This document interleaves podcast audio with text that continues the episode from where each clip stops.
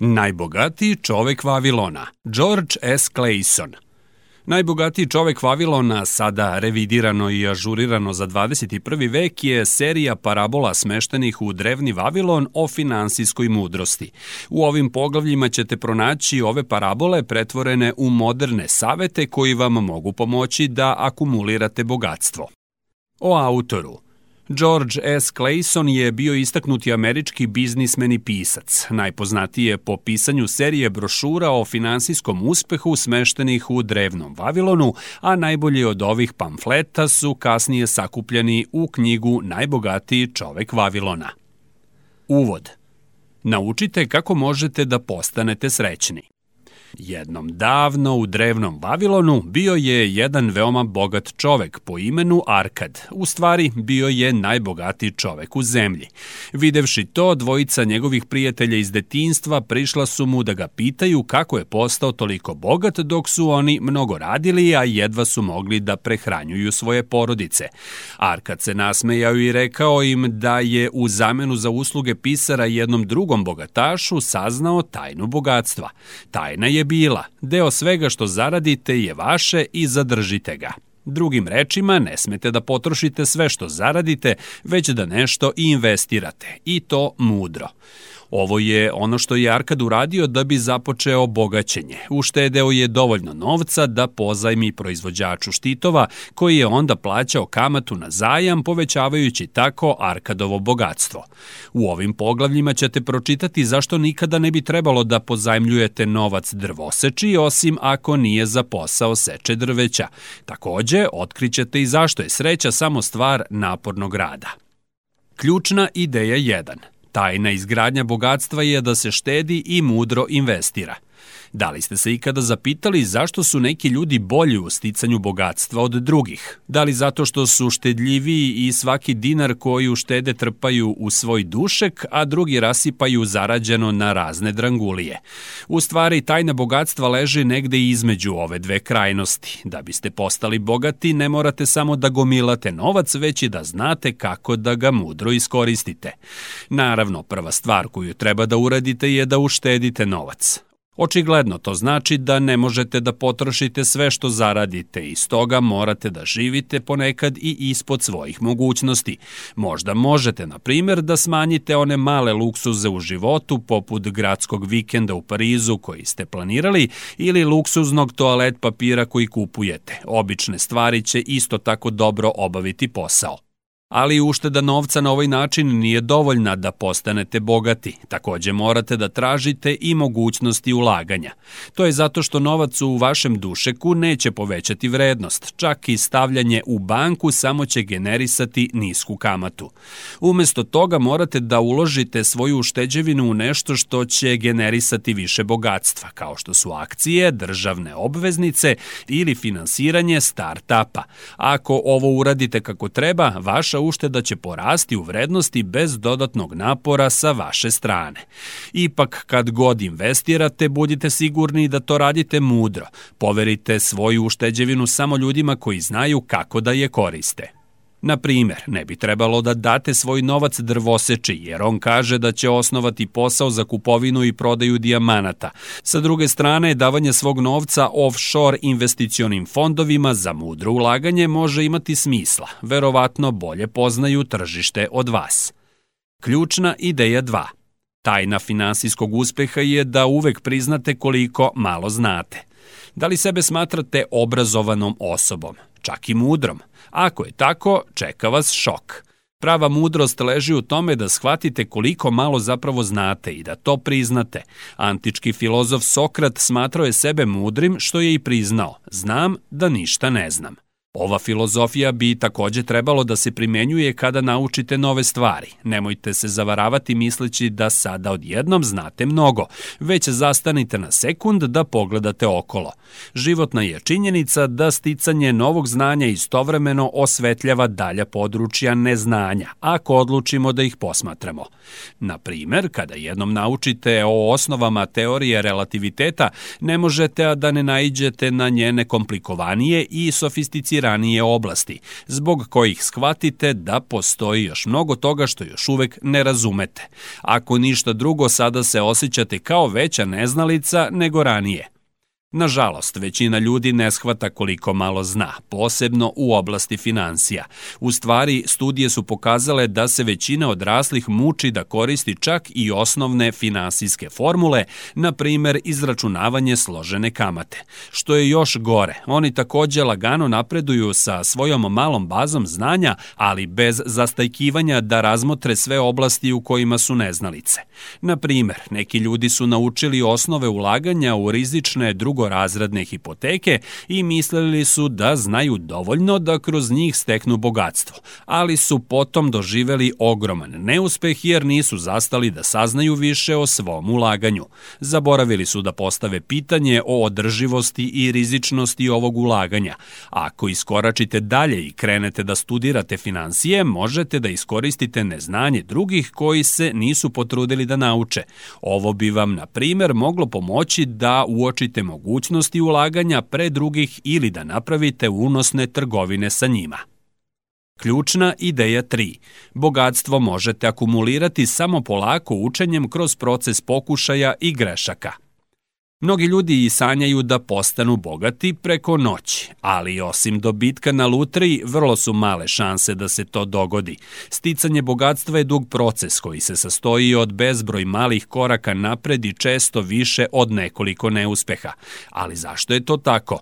Zašto sticanje bogatstva traje tako dugo? Jednostavno zato što se svet stalno menja, posebno finansijski. To znači da nikada ne možete da izaberete samo jednu strategiju za izgradnju bogatstva, kao što je ulaganje u određene akcije i sedeti i gledati kako novac dolazi. Finansijski sistem, pa i sam život je veoma neizvestan, tako da će se pre ili kasnije nešto ogromno desiti poput pada berze. To znači da morate da se prilagodite novoj situaciji i naučite o novim strategijama za izgradnju bogatstva, eksperimentišući sa njima i verovatno biti ne neuspešni bar nekoliko puta. I baš kada nađete svoju sledeću pobedničku strategiju, nešto ogromno će se opet promeniti ali kroz ovaj proces iskustva i prilagođavanja povećavate i svoju ukupnu sposobnost da mudro investirate kako budete akumulirali više znanja. U stvari ovaj proces pokušaja i grešaka je analog na načinu na koji se ostvaruju naučni napreci. Neuspeli eksperimenti mogu biti podjednako korisni kao i uspešni. Dakle, ako napravite neuspešnu investiciju u, na primer, drugorazredne hipoteke, možda ćete naučiti to toliko da možete uspešno da investirate u toj istoj oblasti. Ipak pazite da ne zaboravite da po svojoj prirodi pokušaj i greške uključuju i pravljenje grešaka. To znači da morate da obezbedite da su ove greške male, tako da ne ulažete novac koji ne možete da priuštite, a da izgubite u oblasti u koju niste sigurni. U sledećim poglavljima ćete razumeti razliku između zarađivanja novca i sticanja bogatstva. Ključna ideja 4. Nemojte samo da radite za novac da biste sebi priuštili stvari koje želite danas, već napravite dugoročna ulaganja tamo gde vaš novac radi za vas. Šta mislite, koja je razlika između zarađivanja novca i sticanja bogatstva? Ako ste kao većina ljudi, verovatno niste ni shvatili da ova razlika postoji. Ali postoji važna razlika. Zarađivanje novca opisuje proces u kojem radite za novac, ali postići bogatstvo znači biti u prilici u kojoj novac radi za vas. Da biste ovo bolje razumeli, zamislite da radite kao upravnik profitabilne fabrike i svakog meseca kući nosite veoma dobru platu. Jasno je da zarađujete novac, ali da li ističete bogatstvo? Ne nužno. Zato morate proći kroz proces uštede i nekog ulaganja tog novca. Na primjer, ako biste uštedeli deo svog prihoda i uložili ga u nekretnine, stekli biste bogatstvo, jer bi vaš novac radio za vas, a ne obrnuto. Kada se zarađuje novac, to se obično radi da bi se postigao kratkoročni finansijski uspeh. Obično vam je stalo samo do stvari koje možete da kupite uz sledeću platu, dok je budućnost pod znakom pitanja. Ali postoji opasnost u ovakvoj vrsti razmišljanja šta ako sledeća plata nikada ne stigne. Postizanje bogatstva sa druge strane uključuje dugoročne ciljeve. Na primer, nekretnina koju ste kupili neće vam doneti trenutno bogatstvo, nego morate prvo da otplatite investiciju ili sačekate da se njena vrednost poveća. Ovo može da potraje, ali kada ulaganje počne da se isplaćuje, najverovatnije će tako nastaviti sve dok nekretninu i posedujete. Ključna ideja 5.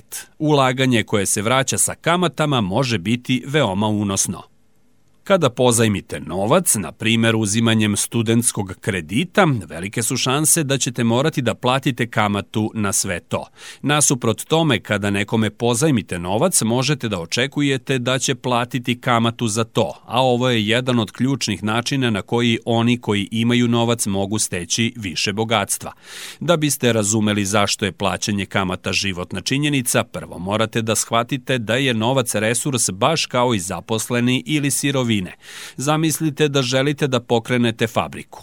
Šta vam treba? Naravno, potrebne su vam sirovine za kreiranje vaših proizvoda i radna snaga za njihovu proizvodnju.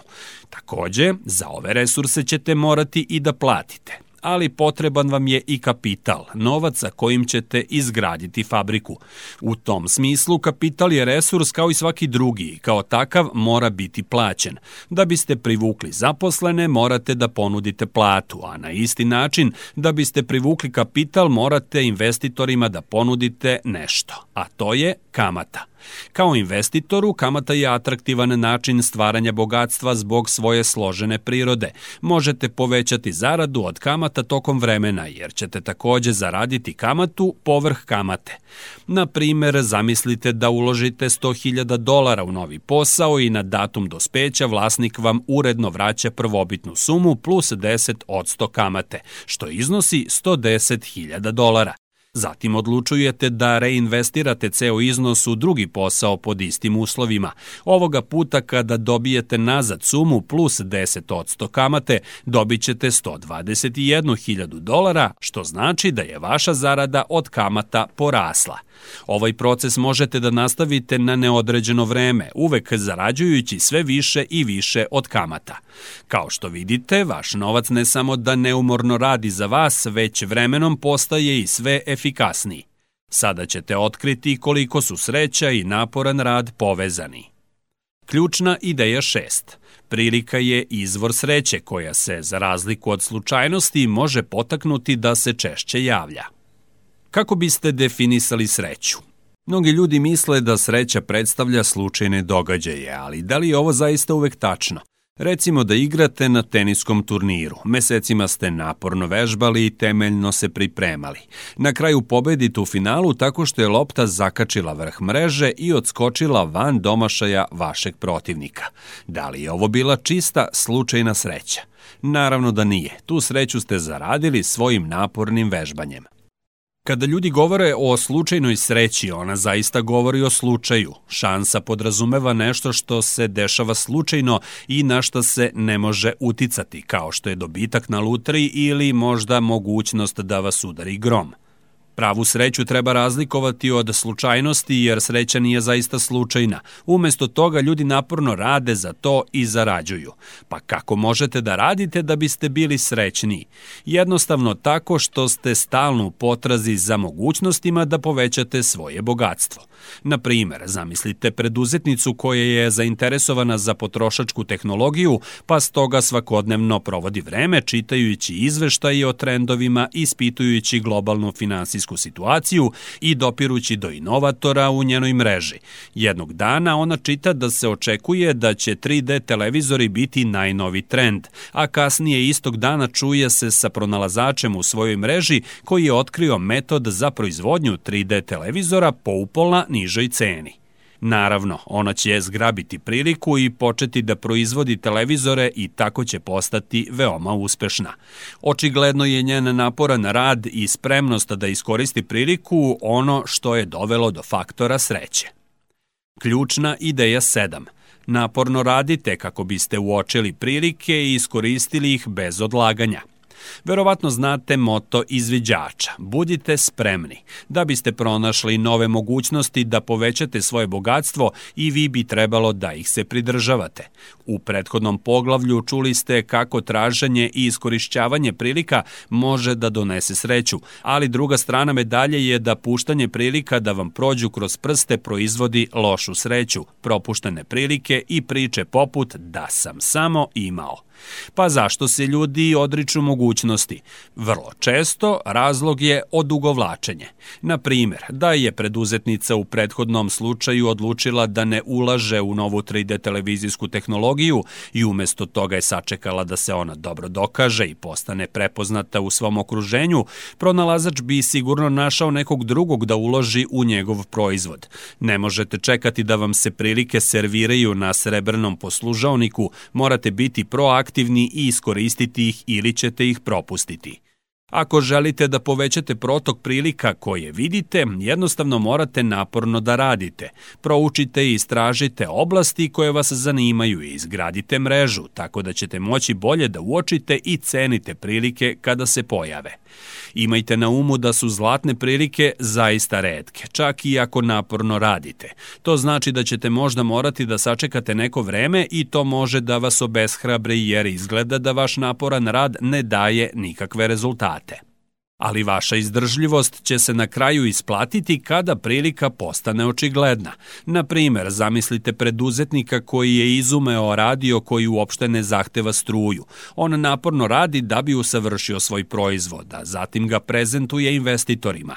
Godinu dana svaki potencijalni investitor to odbija, govoreći ko danas sluša radio.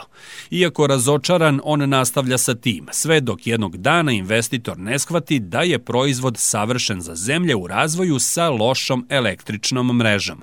Proizvod na kraju postaje veliki uspeh. Preduzetnikovo strpljenje se isplatilo.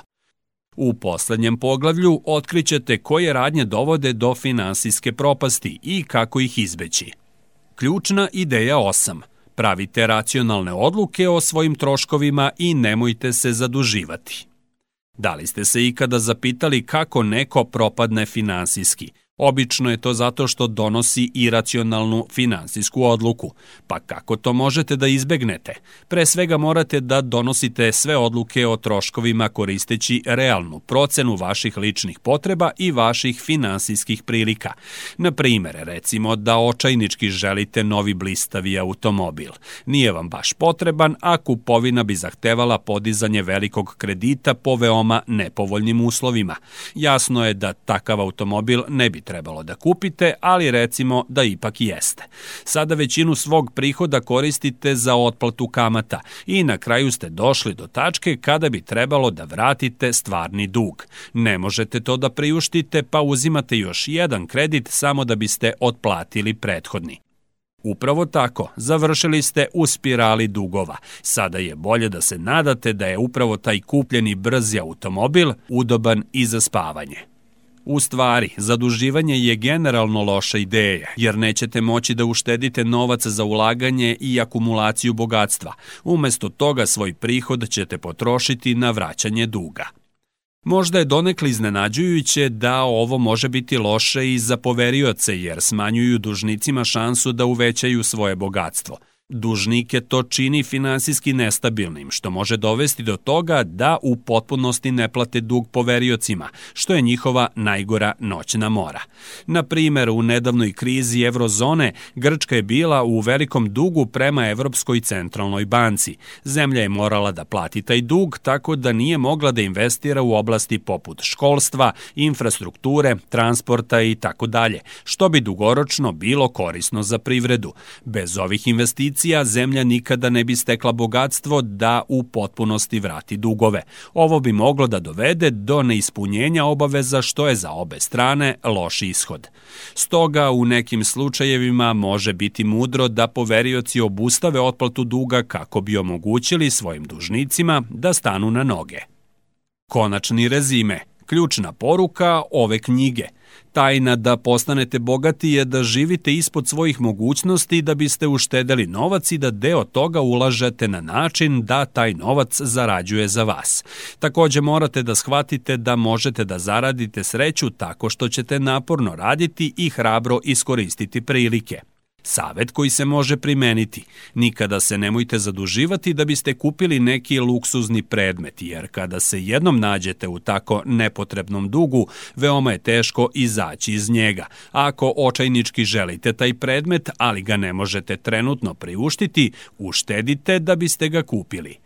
Investirajte mudro deo onoga što zaradite – Šta god da zaradite, nemojte sve da potrošite na stvari koje želite. Sačuvajte deo i uložite ga, na primer, u akcije ili obveznice, jer će na taj način novac početi da radi za vas, stvarajući vam kamatu. Međutim, izbor investicije napravite mudro. Ne poveravajte početniku ili amateru svoju teško zarađenu ušteđevinu. Koliko god prilika da izgleda privlačno, ako je osoba kojoj poveravate svoj novac neiskusna u toj oblasti, velike su šanse da će propasti. Stoga bi trebalo da poslujete samo sa ljudima koji su dokazali da znaju šta rade.